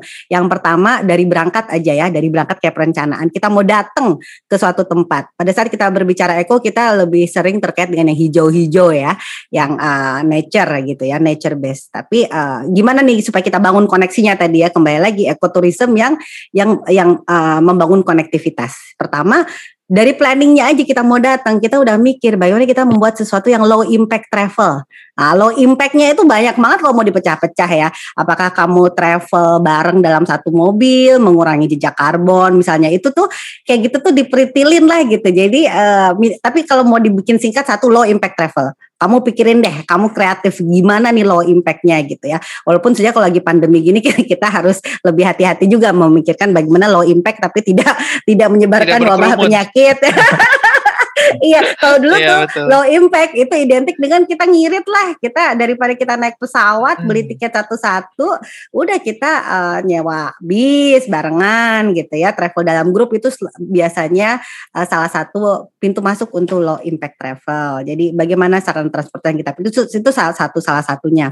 Uh, yang kedua uh, ada di hashtag yang kedua adalah conservation activities. Artinya, wah datang ya kita udah travel udah nyampe di sana. Bagaimana kita pada saat kita di tempat wisata itu kita menjaga lingkungan dan meminimasi dampak. Nah di sini itu kaitannya dengannya itu tadi uh, nyampah nyampah yang cerdas, nyampah yang smart gitu ya. Tidak itu tadi tidak tidak nyabut edelweiss misalnya atau pokoknya begitu kita masuk itu it's not our home. This is wildlife rules. Artinya this is not our home. We we just here to enjoy, to take pictures and not taking anything else but pictures gitu. Misalnya itu. Jadi kalau kamu udah meminimasi dampak apa pun lah gitu lah apa namanya terhadap alam itu berarti kamu sudah berkontribusi loh buat ekoturism untuk uh, aspek yang kedua ya. Uh, jadi conservation activity, conserve, menjaga ya. Kemudian yang ketiga uh, community connection. Jadi again, when we talk about ecotourism, we, we're not only talking about the landscape, but the people who live in the surrounding landscape. Bagaimana kita bisa contribute ke situ dengan mendukung ekonomi dan kesejahteraan masyarakat di situ. Misalnya kita pakai local guide yang tentu saja sudah bekerja sama. Jadi gini, kita pilih juga dong, kita bisa kok pinter milih-milih pengelola wisata atau misalnya penyedia jasa jalan-jalan yang making sure bahwa mereka uh, mendukung ini ekonomi dan kesejahteraan masyarakat. Misalnya kita nanti makannya di tempat-tempat yang uh, memang uh, apa ya yang disediakan oleh masyarakat. Misalnya kayak restoran atau rumah makan sederhana atau ini provider makannya. Ini nanti yang nyediain ibu ini. Nah itu tuh diperjelas gitu loh. Ini benefitnya lari ke siapa? Nah begitu udah ada benefit secara ekonomi. Karena kalau nggak ada ekonomi nggak ya memang menjadi kurang bernilai dan nggak akan sustainable. Bisa aja tapi nggak akan sustainable. Kita kan yang mau dijaga sustainability-nya. Jadi memang mau nggak mau harus ada nilai ekonominya gitu supaya menjual. Nah, plusnya lagi kalau sudah bisa tiga low impact travel, ada conservation activity dan ada community connection, ada plus lagi nih kalau uh, teman-teman mau berkontribusi untuk ekoturisme adalah kita terlibat aktif di kegiatan yang ditawarkan. Kalau uh, ke pas ke Bali aja, kalau uh, mengunjungi Taman Nasional apa itu ada ada ada ada ditawarkan mau ikut nggak pelepasan penyu mau ikut nggak nanam pohon di sini tuh bisa ada jadwal-jadwalnya kan. Nah kalau teman-teman bisa ikut itu, wah itu udah plus lagi. Jadi ekoturism plus plus plus. Jadi kamu punya kenang-kenangan.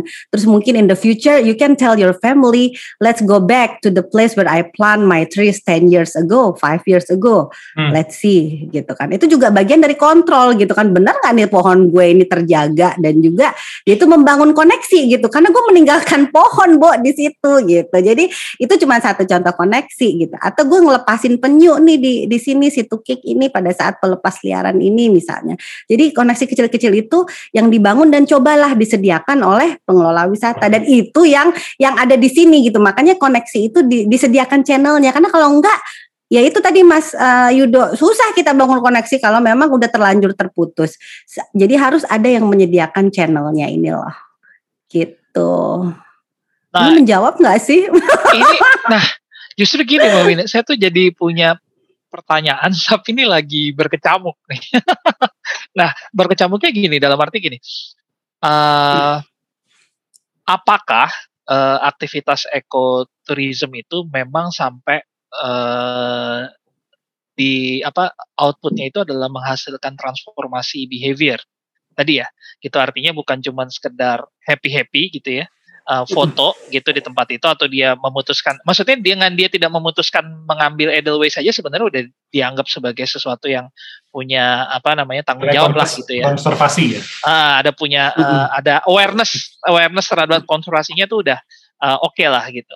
Tapi uh, sampai ke tahap uh, yang tadi tuh yang sampai ikut uh, berkontribusi di dalam melepas penyu gitu ya itu kan juga berarti kan ada perubahan behavior. Atau saya nggak tahu gitu. Apakah mungkin juga seperti yang tadi Mas Tio katakan gitu? Apa apa itu lebay gitu ya? Atau itu sesuatu yang mungkin juga sebenarnya bisa uh, di touch juga oleh ekoturism sampai pada titik dia tuh benar-benar memiliki koneksi yang uh, pohon itu seperti apa ya seperti peliharaan ya seperti dengan mm kucing misalnya mm tapi ini mm -hmm. dengan pohon gitu yang sampai menangis gitu apakah apakah itu juga memungkinkan atau menurut Mbak Wina ya udah hanya sampai tahap berkontribusi uh, misalnya ikut aktivitas yang parsial-parsial tadi ya uh, dengan harapan dia bisa menceritakan pengalaman ekoturismnya dia gitu. Gimana Mbak Wina menurut uh, Mbak Wina? Atau mungkin nggak tahu itu yang berloncat-loncat iya, iya. di kepala saya gitu. Iya benar-benar. Emang sih kita kalau kita bicara level tadi uh, ada yang namanya ekofilia itu ya, ekofilia atau biofilia itu jadi di dalam diri manusia, ini scientific uh, says ya di dalam setiap diri manusia itu sebenarnya selalu ada uh, selalu ada kayak tuntutan untuk connect dengan alam itu ada di setiap diri manusia. Hmm. Cuma tinggal seberapa besar ini keluar ya. Nah, uh, ini yang namanya biofilia atau ekofilia itu. Jadi ini ada dan ini ini scientific base sudah terbukti. Jadi tinggal bagaimana ini di nurture gitu kan. Nah tadi yang kasus di Finland itu itu kasus yang cukup umum juga di sini. Nebang okay. pohon walaupun hmm. pohon kita sendiri juga itu nggak mudah loh. Temen ada yang gini ya. Jadi di sini uh, misalnya ada ada pohon yang uh, akarnya karena gini ada juga lucu ya. Ada konflik dengan pohon loh. Konflik tidak hanya dengan binatang saja. Artinya uh, mungkin teman-teman pernah dengar yang namanya istilahnya human wildlife conflict misalnya. Itu contoh paling mudah harimau menyerang manusia. Artinya ada ada uh, koneksi yang tidak uh, tidak Aku. lestari. Ya oh gitu ya berantem gitu. Nah pohon tuh juga berantem sama manusia dengan tidak secara langsung yang nggak disadari. Saya juga baru nyadar di sini, Bo. Walaupun sudah belajar belajar kehutanan, tapi ini saya nggak pelajarin di bangku kuliah. Tapi setelah tinggal di sini tuh ternyata kayak gini. Akar-akar pohon itu kan semakin tua semakin dalam ya, Mas ya. Mereka hmm. itu ke mana-mana. Itu sampai mengganggu sistem uh, uh, drainase, uh, sorry, sistem misalnya heater atau sistem AC. Gue juga nggak paham sih teknisnya ya, tapi ini tuh di sini tuh suka terjadi. Jadi dia mengganggu gitu rumah tetangga sebelah. Nah tetangganya komplain setelah diperiksa sama ini, ternyata gara-gara akarnya pohon sebelah. Nah itu secara hukum itu pohon itu harus ditebang gitu karena sudah menyebabkan konflik. Artinya konflik ini mengganggu kan sudah tidak akur lagi nih pohon yang berdiri. Nah itu hmm. itu aja prosesnya setengah mampus lamanya mas. Dan itu biasanya ada nego-nego. Gimana caranya supaya ini nggak usah ditebang gitu loh. Apa apakah akarnya yang dipotong itu biayanya kan gede banget. Nah jadi ada kasus di mana orangnya ini nggak mau pohonnya dipotong uh, tapi yang tetangganya juga ini harus diselesaikan masalahnya. Jadi adalah dia pakai teknik apalah digali-gali gitu. Jadi akarnya itu di itu biayanya hmm. mungkin jauh lebih mahal dari daripada motong ya. banget Karena banget. kecintaannya ya. kali ya. Hmm. Nah, jadi itu itu artinya gini kita bicara ekofilia, bicara kedekatan ini banyak levelnya. Jadi hmm. Uh, hmm. sudahlah kalau kita belum bisa sampai pada level yang untuk menyintai pohon seperti kita binatang karena ya karena beda lah pohon kagak lari-lari ya, Bo. Pohon nggak bisa dikejar-kejar gitu ya, beda hmm. gitu ya itu dia pohon itu stay challenge-nya untuk membuat orang mencintai pohon kalau dia nggak punya nggak di nurture nih ekofilianya ya susah hmm. gitu kan. Tapi itu dia manfaatnya yang harus kita bawa. Bagaimana satu pohon itu bisa mendatangkan kebahagiaan buat kamu gitu. Karena pohon jadi rumahnya burung, rumah di sini gampang gitu loh mas masalahnya. Kalau di, di kita lebih susah karena ya karena kesibukan karena polusi segala macam. Kalau di sini lihat pohon di depan rumah itu gampang banget langsung kita happy. Karena ada pohon nanti ada rabbit datang ada squirrel main-main ada burung. Ya otomatis lah bo kita gampang kita gampang banget bikin koneksinya. Nah di kita kalau di Indonesia ini jadi challenge nih. Nah, kita sebagai kalau memang kita mau mau memajukan atau menurture ekofilia, kita harus berusaha lebih keras dari sekedar nonton pohon depan rumah karena itu nggak terjadi begitu saja. Jadi di, kita harus lebih put effort and investment on that gitu.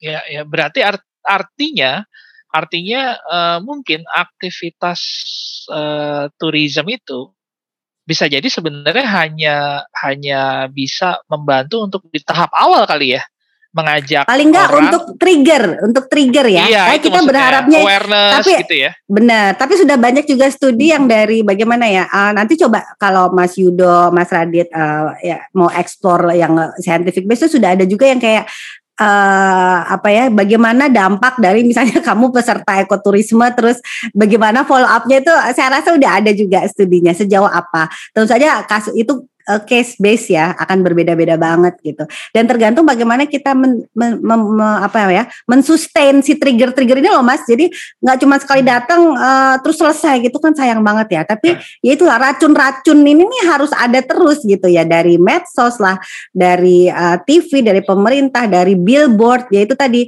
even making a fake nature gitu untuk mengingatkan kembali. Ada koneksi yang uh, yang yang perlu kita bangun dan yang ngerasa perlu itu kita gitu loh bukan karena bukan karena disuruh-suruh mencintai hutan tapi saya udah jadi butuh gitu untuk untuk ke hutan itu untuk untuk dapat pengalaman untuk untuk apa recharge buat buat kita recharge ya nggak usah sering-sering lah gitu tapi kita perlu gitu recharging ourselves gitu.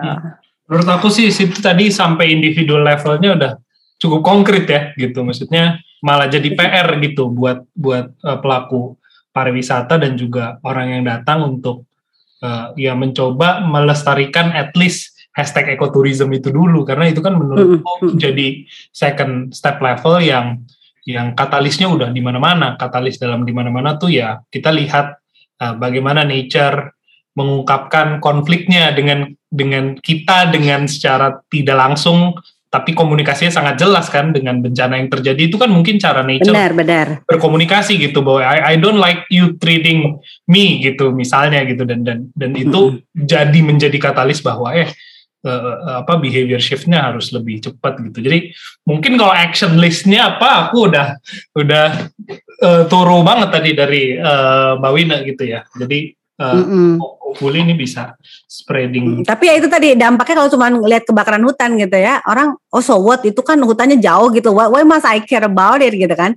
Tapi bayangin kalau hutan yang sering kamu kunjungi kemudian jadi terbakar, nggak bisa kamu kunjungin lagi gitu, atau kasih lebih tunjuk uh, tunjukin lagi dampak jelasnya lagi kayak asap misalnya asap itu kan ngeganggu banget. Udah lu gak usah mikirin hutan deh. Emang tapi lu mau gitu hidup uh, dengan polusi asap gitu misalnya. Itu yang itu yang dirasakan langsung lah. Even if you don't care about forest per se but do you wanna live with haze gitu yang terjadi karena kebakaran hutan? If you don't care about nature at all gitu. Jadi dampak-dampak yang bisa dirasakan langsung itu yang kemudian mesti di, bukan untuk nakut-nakutin ya, tapi untuk membuat orang uh, aware gitu loh. This is your direct connection with forest actually that you might not realize, yeah, yeah, yeah. but it's actually there gitu. Yeah, yeah. And it's not far away. no, it's not yeah. betul betul betul banget. Coba kalau hutan mangrove yang di Muara Angke Kapuk tuh jelek, orang mau pre-wedding di mana, Bo? Tuh, wedding aja banyak banget di situ Iya, loh. iya, Saya benar. pernah lagi survei di sana orang dengan baju pengantin cantik-cantik itu di akar-akar mangrove bela-belain, Bo. iya, iya. Kayak gitu lah. Iya, iya. Itu kan koneksi banget tuh Mas Yudo tuh. Kalau kamu pre-wedding picture di hutan mangrove itu udah building connection loh dengan cara yang realistis gitu. Iya. Itu dia, dia udah Iya, masukkan dia dan identitasnya dia adalah mangrove itu kan. Makanya dia mau Iya. pilih di situ kan. Nah, Karena dia udah mengasosiasikan itu. Dan pihak pengelolanya bisa bermain lebih di situ dengan mengedukasi soal mangrove-nya ini gitu loh dengan cara yang tidak tidak ngajarin tapi jangan cuma sekedar foto prewedding tapi you know loh mangrove ini sesuatu banget Bo gitu misalnya tambahin gitu. Jadi ada plus plus. Oh, ada gitu. edukasinya lagi ya, intervensi di Mm-mm. edukasi tadi ya. Benar biasanya- benar benar. Biasanya yang yang, yang ditakutin itu adalah eh bukan ditakutin ya, tapi yang yang kemungkinan besar terjadi adalah hanya mengambil spot-spot yang dianggap indah gitu kan secara Benar, visual benar. gitu. Nah, benar benar benar. Nah, akan lebih bangga lagi. Benar, akan lebih bangga lagi kalau misalnya orang itu tahu bahwa ini mangrove ini loh, akar-akar mangrove ini, ini yang menjadi penyelamat banyak orang pada saat terjadi tsunami di Aceh. Korbannya udah banyak banget, tapi without mangrove it's gonna be even worse. even worse, Jadi ya. eh, Hmm. ini fakta-fakta kayak gini tuh yang mungkin perlu ya itu yang yang saya kalau ke hutan itu lihat ada tulisan-tulisan gitu kan. Oh, ternyata ini ada ini. Jadi saya kayak teredukasi secara nggak langsung. Lu nggak mau baca ya sudah lah, tapi dari 100 orang yang datang mungkin at least 10 orang baca aja itu sudah ada nilai plusnya gitu. Oke, oke. Oke.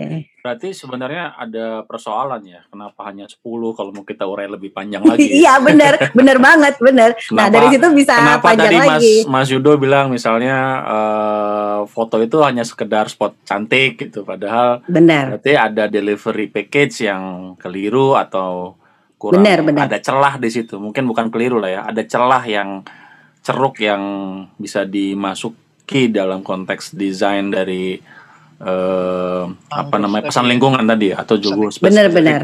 Nah itu pesan lingkungan itu. Jadi eko itu betul-betul masuk ke dalam dimensi-dimensi. Waduh, gue udah gem, udah agak merinding nih.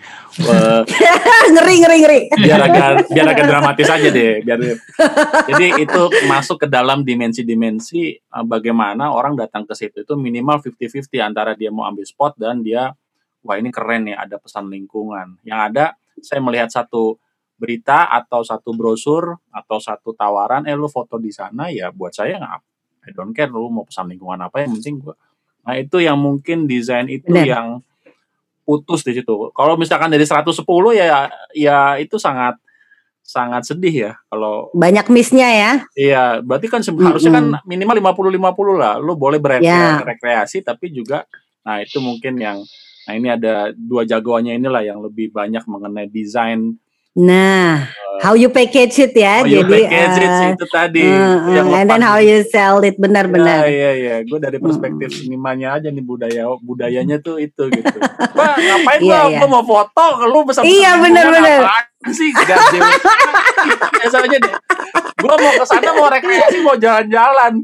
Lu mau Iya, ngomong iya, apa iya. gua I don't care yang penting gua cari spot instagramable gua foto. Nah itu. Ah, ah, ah. Nah, gimana itu Mas Yudo PR? Gue mau ngasih PR Mas Yudo nih. Gimana supaya yang foto di situ eh, bisa bangga nambahin hashtag selain pre-wedding, hashtag ecotourism atau hashtag mangrove conservation. Ah, keren Ah, banget. Ini Mbak Winda banget nih pesan sponsor nih. Ya. Tapi kalau di tangga itu next step-nya kan Iya. sebenarnya dari iya, iya. dari yang ekspresif Luar menjadi yang reflektif gitu yang, yang Udah coba membangun. Jadi Mas Yudo mau pre-wedding pictures di mangrove? filosofis banget ya. gitu ya. Post post wedding ya. Post Post wedding. wedding wedding. ya, whatever wedding. anniversary. Iya bener anniversary. Aku fotografernya siap. Nanti aja kita ke Kanada aja bareng-bareng. Wah, Ya, siap. tawa. Bener bener om. Tapi jangan jangan gitu bro. Biar gimana pun juga Kanada juga punya masalah iklim dia saat Iya, ini kan. Sama biasa. Oh Dan iya, ya. bener banget. Eh, eh, eh. Aduh. Jangan jangan sekarang ke Kanada jangan. Panas banget ya. Tapi gitu. iya, eh, nah tapi ini jadi menarik nih, menarik mulu ya bahasa gue ya. Menarik Lo terus. diksi lo, diksi lo agak perlu ditambah Mas Kurang Yudo. ya, kurang banyak nih. iya, ini gara-gara ngomong sama Mbak Wina jadi jadi lebih reflektif. Iya juga, gue iya. sering banget ngomong menarik gitu. uh, satu koneksi, satu menarik. iya, tapi tapi gini Mbak Wina, tapi jangan-jangan memang uh, itu dulu yang harus kita lakukan di awal gitu. Mengajak dulu yang rame-rame ini seperti tadi kata Mas Tio gitu. Rame rame-rame ke gunung tiba-tiba dia mengeksploitasi gunung tadi ya bahasa Mas Tio gitu.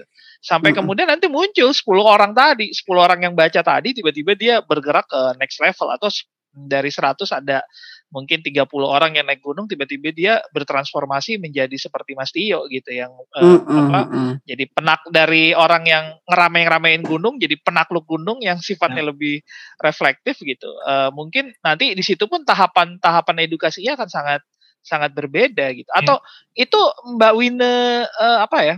Temui nggak ya gitu dalam ekoturism bahwa tadi leveling leveling itu menjadi penting. Gitu. Benar benar benar banget benar banget mas. Saya, saya setuju banget tadi uh, yang 10 orang atau berapa puluh orang yang di river tadi itu kan mereka adalah pioneer ya. Mereka itu hmm. kalau di hutan itu saya tumbuhan perintis gitu. Jadi hmm. uh, mungkin bedanya tuh Kenapa tuh ada yang geleng-geleng ya? Uh, jadi kalau dia emang perintis, Mbak. ya jadi saya gini, ya, tumbuhan perintis. Kata-kata perintis tuh gimana gitu? ada Tumbu. diksi lain nggak, Mbak Winda? Jangan perintis lah. Agak gimana gitu. agak banyak agak tumbuh oke okay, gitu. oke okay. uh, pioneer aja nggak usah perintis ya nggak boleh jadi pioneer itu kayak istilahnya gini istilahnya gini dia itu kayak uh, even di medan yang sangat garing kita ini dianalogikan dengan itu tadi kita yang orang sangat-sangat uh, disconnected gitu. Tumbuhan perintis ini tuh dia bisa memulai bahkan di medan yang nggak ada apa-apanya sama sekali yang sangat minim unsur hara minim air minim cahaya matahari tapi tumbuhan perintis ini believe it or not ada selalu ada. Uh, promosi lagi ada tulisan saya di Forest Digest judulnya tumbuhan perintis something something bisa di bisa di browsing tapi uh, artinya uh, kita semua in nature there's always pioneer species. It's also in life. There will always be pioneer, even just a little, even just a few, but they, they can start alive. Jadi hmm. uh, in my positive mind, even hanya sedikit berapa orang mereka bisa jadi trigger untuk satu kehidupan yang lebih kaya di situ. Jadi this can happen always ya. Uh, jadi ada juga batasnya, ada tipis nih antara perintis dengan invasif. Invasif itu yang merusak itu. Ada banyak, tapi dia jadi merusak kita nggak mau kayak gitu juga gitu. We want the balance, we want the right balance gitu ya. Uh, jadi kalau perintis ini salah jalur, tidak diarahkan dengan yang tadi ada ada edukasi, ada regulator, ada berbagai aspek-aspek yang um, menjadi apa ya uh, ya itu tadi membatasi kegiatan supaya tidak merusak itu lama-lama bisa jadi invasif. Nah kita hmm. nggak hmm. mau nih sampai invasif gitu kan jadinya. Dan itu mungkin banget tadi dibilang sama Mas Yudo. Contohnya itu saya sendiri ngalamin yang saya bilang saya suami saya yang sama sekali uh, tidak paham apa-apa saya ajak ke hutan gitu pas hiking sedikit-sedikit saya bilangin itu apa yang itu tumbuhan bawah namanya. Yang ini nam jadi saya pakai istilah-istilah sedikit lah saya racuni dengan sesa kehutanan. Misalnya saya ken oh yang itu itu bluebird. Oh yang ini uh, lahan basah. Yang ini dataran rendah. Tiba-tiba hiking berikutnya dia udah belagu banget gitu kan. Mama, itu itu, uh, itu ada blue jay itu ada blue jay. Dia gaya dia udah tahu nama burung. Itu Tapi cuma satu ya. contoh. Ya? nah dan terus dia sombong bo dengan teman-teman yang di kantor yang notabene sangat jauh dari hutan. Dia bilang gini eh aku itu kalian ke sana dong. Lihat tuh gampang kok treknya. Trek yang gampang aja mulai dari yang cuma tiga kilo misalnya. Dan di situ ada wooden trailnya. Artinya apa? Membangun orang penasaran. Kalau uh, apa kalau dia aja bisa ke sana gitu dan dia bisa lihat burung ini, gue juga mau dong gitu lah. Nah itu itu kan awalnya doang gitu. Uh, walaupun belum sampai yang mencintai gila-gilaan, tapi nggak apa-apa lah. Gitu. Nah itu start. Itu, itu orang yang ke gunung, at least dia ke gunung gitu kan. Kita yeah, bisa yeah, yeah, yeah, dengan yeah. Itu tadi kata Mas Radit ya kan tak kenal maka kata saya kenal dulu lah, datengin hmm. dulu gitu. Gitu. Siapa tahu kecemplung kayak saya kan di hutan. PR-nya Mas Radityo itu adalah ngecekin orang-orang yang terkena dampak 5 cm. Sekarang masih ada nggak yang balik ke gunung? nah, itu bisa jadi riset tuh ya, jadi riset tuh Mas Yudo. Benar-benar. Ya, ya, ini ini menarik ya, menarik. Uh, uh, uh, lagi kan? Sorry sorry, gue ketawa apa sih? Gue referensi ajaib. Ini ajaib ya. Ini ajaib ini. Kan menarik ya. Jangan menarik. Reflektif, Pak Yudo reflektif.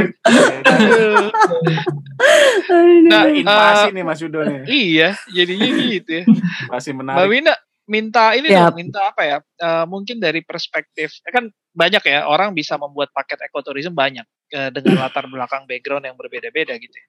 Tapi menurut Mbak Wina gitu, ekoturism eh, seperti apa sih yang ideal menurut Mbak Wina tadi ya gitu? Ya terserah apakah mau mulai dari orang yang tadi ya bangun awareness dulu, kenal gitu, atau sampai ekoturism untuk yang sayang gitu untuk menciptakan sayang tadi kan tak kenal kata sayang gitu berarti kan ada semacam spektrum tuh dari yang kenal sampai yang sayang gitu itu mungkin Mm-mm.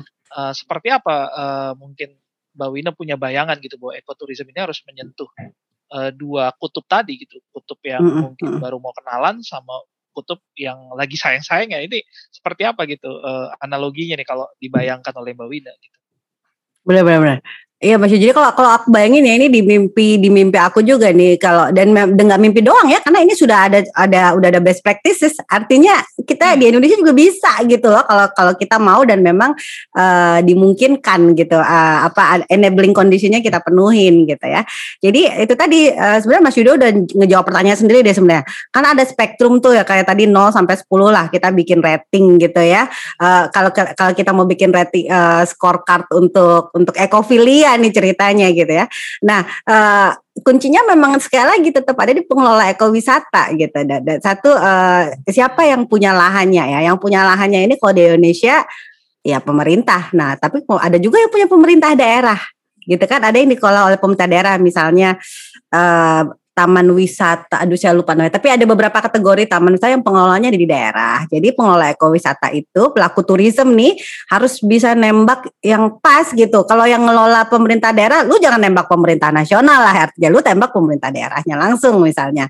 Jadi yang kayak kayak gitu eh, pelaku ekoturisme itu kunci ya untuk untuk menggandeng dan kemudian itu tadi menyediakan celah untuk yang mau cuman membangun ekofilianya cuman sampai level 5 doang. Ya nggak apa-apa gitu. Tapi kalau ada yang mau ngebangun sampai level 10, lu juga sediakan channelnya, tapi lu nggak maksain gitu. Jangan buat orang harus mencapai level 10. Nah, itu yang terjadi di sini gitu loh. Trekking, eh, hiking, dengan kata hiking itu kalau eh, buat orang yang nggak pernah tuh kayaknya iya lo nggak banget gitu Berat hiking tuh kan jauh capek berat nah ini yang terjadi di sini bikin hiking menjadi sesuatu for everybody even yang disable karena ada trek yang disediakan wooden trail misalnya. Tapi lu kalau mau yang udah hardcore, lu mau yang Udah. eh, 12 kilo naik turun ada juga coy. Jadi eh, be- bangun pilihan-pilihan ini gitu tadi. Dan eh, jadi itu tadi staging ya tadi kalau yang dibilang Mas Radit jadi ada stage-stage-nya juga. Eh, saya juga sama lah. Saya juga saya juga termasuk salah satu korban ekoturisme ya artinya di sini gitu. Dari yang cuman level cemen-cemen, naik dikit, naik dikit, lama-lama suami saya yang ngajak nge-challenge padahal dia yang saya challenge duluan gitu ya. Lama-lama dia ngajaknya yang susah-susah. Saya udah males sih agak ya sudah. Tapi artinya apa? Racun-racun ini bekerja gitu loh. Gitu. saya sebagai pemberi racun lama-lama teracuni juga dan capek juga ya. Orang mau males-malesan hari minggu terus mah ayo kita coba yang trek ini. Ya gitu. Mau males gitu kan. Tapi artinya it works it works. Dan kuncinya adalah pengelola wisata harus kal- sedapat mungkin memberikan alternatif opsi-opsi untuk orang mau membangun sejauh mana konektivitasnya lu mau go low, lu mau go high, gue bisa, gue kasih gitu istilahnya. Itu sediakan dan jangan buat orang takut duluan. Dengan itu tadi kalau mendaki gunung kayak orang udah takut, Bo. Mendaki gunung itu capek lama. Tapi ada nggak package yang lain gitu buat gue connect dengan nature tapi yang istilahnya ya cemen-cemen aja deh gitu. Tapi gue tetap pengen uh, pasang hashtag ekoturism bisa juga gitu. Kurang lebih. Nih kata kuncinya apa nih? Tahu nggak? Dari, dari Racun kalau gue racun. Oh, kalau racun. Kalau gue racun. Kalau- kalau gue nih, kalau gue ya, kalau gue ya. Go Menarik. Go high, gue bisa.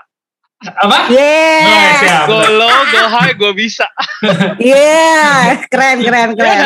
Bener gak? Go low, go high, gue bisa. Bener bener. Kalau Lo mau satu apa gue kasih. Apa belum? Pak Luki apa hashtagnya? Menarik selalu udah. Ini kebayang-bayang nih. Eh, Pak Yudo dia. Eh, bintangnya Mbak Wina, jangan ke gue Oh, iya, iya. dong. Oh, benar, benar.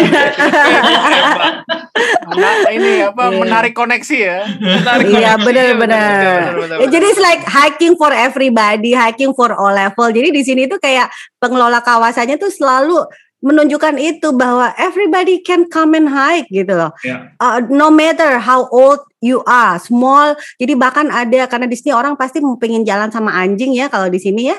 Jadi beberapa trek memang boleh untuk anjing, tidak semua boleh karena ada yang kalau dia bawa anjing nanti wildlife-nya takut gitu. Atau takutnya eh, mereka harus diikat of course anjingnya. Tapi ada beberapa yang kira-kira struktur tanahnya itu agak berbahaya kalau diinjak oleh anjing ya itu nggak boleh. Sekali lagi itu kembali ke palu. Kita di design design does really matters in the beginning. Before you invite people to come you have to make sure bahwa kapasitas daya dukungnya itu ada gitu kan nggak maksain supaya nggak jadi invasif gitu ya for everybody lah forest for forest for everybody pokoknya mah gitu. Everybody can be forester gitu, nggak usah sekolah kehutanan. Everybody is forester. Oh, jangan deh, deh, jangan deh. Jangan ya. Awas tuh dimarahin Pak Nares lu ntar. sekolah kehutanan tuh. Aduh. Salah-salah yang yang tadi para pendengar agak di harus dicermati dengan Abaikan. cermat ya. Siap. Nanti di edit, di edit, edit. Edit, Iya. Forester by heart, forester Ya, by heart forester. gitu, bisa. Mm-mm. Benar-benar. Ya silakan Om Tio. Ya. Siap. Kalau dari strukturnya nih, mulai dari introduction, uh, journey dari uh, apa namanya uh, Mbak Wina sampai uh, building relationship dan ke tourism sih, kita udah dapat insights-nya semua sampai ke actions yang bisa dilakukan oleh uh, tiga unsur tadi tuh Uh, orang yang datang, uh, pengelola, uh, dan juga ya lingkungan itu sendiri kayak gimana gitu ya. Jadi mungkin uh, ini bisa kita cacah nanti menjadi konten-konten yang hopefully bisa mengencourage orang untuk uh, uh, uh, di posisinya masing-masing mulai mengenal dan juga mencintai gitu. Ekofilia menurutku jadi kata kuncinya sih uh, untuk akhirnya bisa uh, pelan-pelan masuk ke dalam spektrum awal sampai akhirnya ke akhir gitu ya.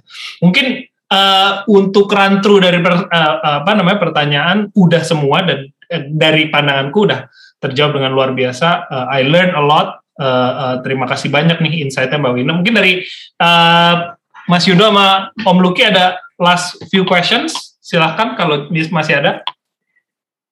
Justru pengen minta nih eh, apa last word dari Mbak Wina. Aduh, Siap. Aduh nih susah nih last word nih. Nah, silakan Mbak Wina. Eh, Oke, apa ya last word ya? Eh, saya udah kebanyakan ngoceh nih kayaknya ya. Tapi intinya kalau kalau saya eh, boleh eh, apa ya beberapa hal yang hopefully bisa di take out dari eh, kita ngobrol hari ini oleh pendengar dan oleh eh, semuanya aja bahwa eh, forest is everybody's business gitu. We Hmm. can we can connect with forest even in the simplest way gitu ya. In the in the forest in our surrounding gitu. Not necessarily you need to go ke dalam hutan rimba tetapi uh, hutan kota. Itu juga hutan gitu. Jadi kalau kamu belum bisa terkoneksi dengan hutan uh, hutan alam gitu di alam yang sebenarnya uh, it doesn't mean you cannot be connected with nature. You can always connect with nature in the simplest way possible gitu. Dan uh, build your connection. You you find it that uh, itu akan membuat anda merasa lebih baik gitu ya. Uh, apa namanya? Kemudian juga yaitu uh, think of apa? Gini gini. When you think of uh, coffee you can think of ecotourism as well. Jadi di dalam secangkir kopi yang anda minum itu ya di dalamnya ini ada Ada, Ada masyarakat, tentang ada hutan. masyarakat yang uh, menanam kopi. Masyarakat Ya. uh, di mana kopi yang paling bagus tumbuh di dataran tinggi yang dia berdampingan dengan hutan. Tapi apakah mereka berkelestarian atau enggak? Itu itu pertanyaan yang lain. Tapi when you think of coffee, think of forest gitu. Because the best coffee ground when they are surrounded by forest bahkan ditanam bersama dengan pohon. Jadi coffee is everywhere. Don't you ever think that you are far away from forest because uh, you know forest is always with you in your surrounding gitu aja deh om om om Siap. semua hari ini yang keren banget nih aduh saya udah kehabisan kata jadi penutupnya malah nggak seru nih ya Forest is everybody business. No, no, no. tapi membuat kita terdiam semua ya tadi Iya, terdiam. ya. Kan ada ada tadi kita terdiam. Kalau dari dari versi gue nih Mbak Wina kalau buka coffee shop dia namanya Kopi Lestari dan Aduh, datang ya coffee shop gue ya. kan kopi menarik ya Mas Yudo ya atau Kopi menarik ya. Menarik. Benar-benar. Kita collab ya. Kita collab Mbak Wina. Kopi Lestari dan Kopi Siap Menarik. Wah ini paling heboh ya. Yo ya. Eh, ini kita ya podcast kita ya. luar biasa para pendengar ya Ah, harus mendengarkan podcast yang ini para Iya, pendengar, nih harus ini banget. sangat spesial banget luar biasa Baru kali ini, baru kali ini ngomongin hutan sambil riuh.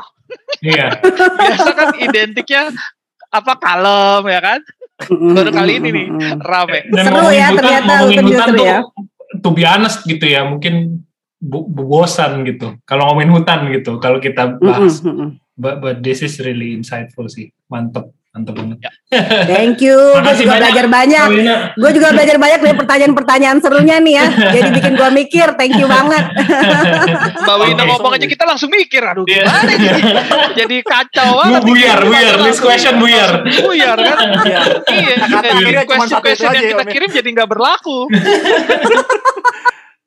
Oke. Oke oke. Ditunggu Mbak Wina untuk Oke. episodenya keluar kita edit. Nanti kita akan bikin konten-konten cacahan. Mungkin itu juga bisa Siap. share gitu ya biar uh, akhirnya lebih banyak uh, user yang akan bisa bermanfaat atas episode ini. Uh, Hmm, thank makasih you banyak banget, thank you. atas waktu Mbak ya. Wina, Thank terima you. kasih banyak. Mas Lutfi thank you Sama-sami, banget udah kenalin Mbak. Wina TDI nih. banyak. Kita happy banget ya. aduh lu jangan siramin kopi dong aduh Semoga berkah berkah. Ya, Amin. Makasih banyak juga. Thank you Siap. Selamat istirahat ya. Sehat-sehat Ya, terima semuanya. kasih. Sehat-sehat.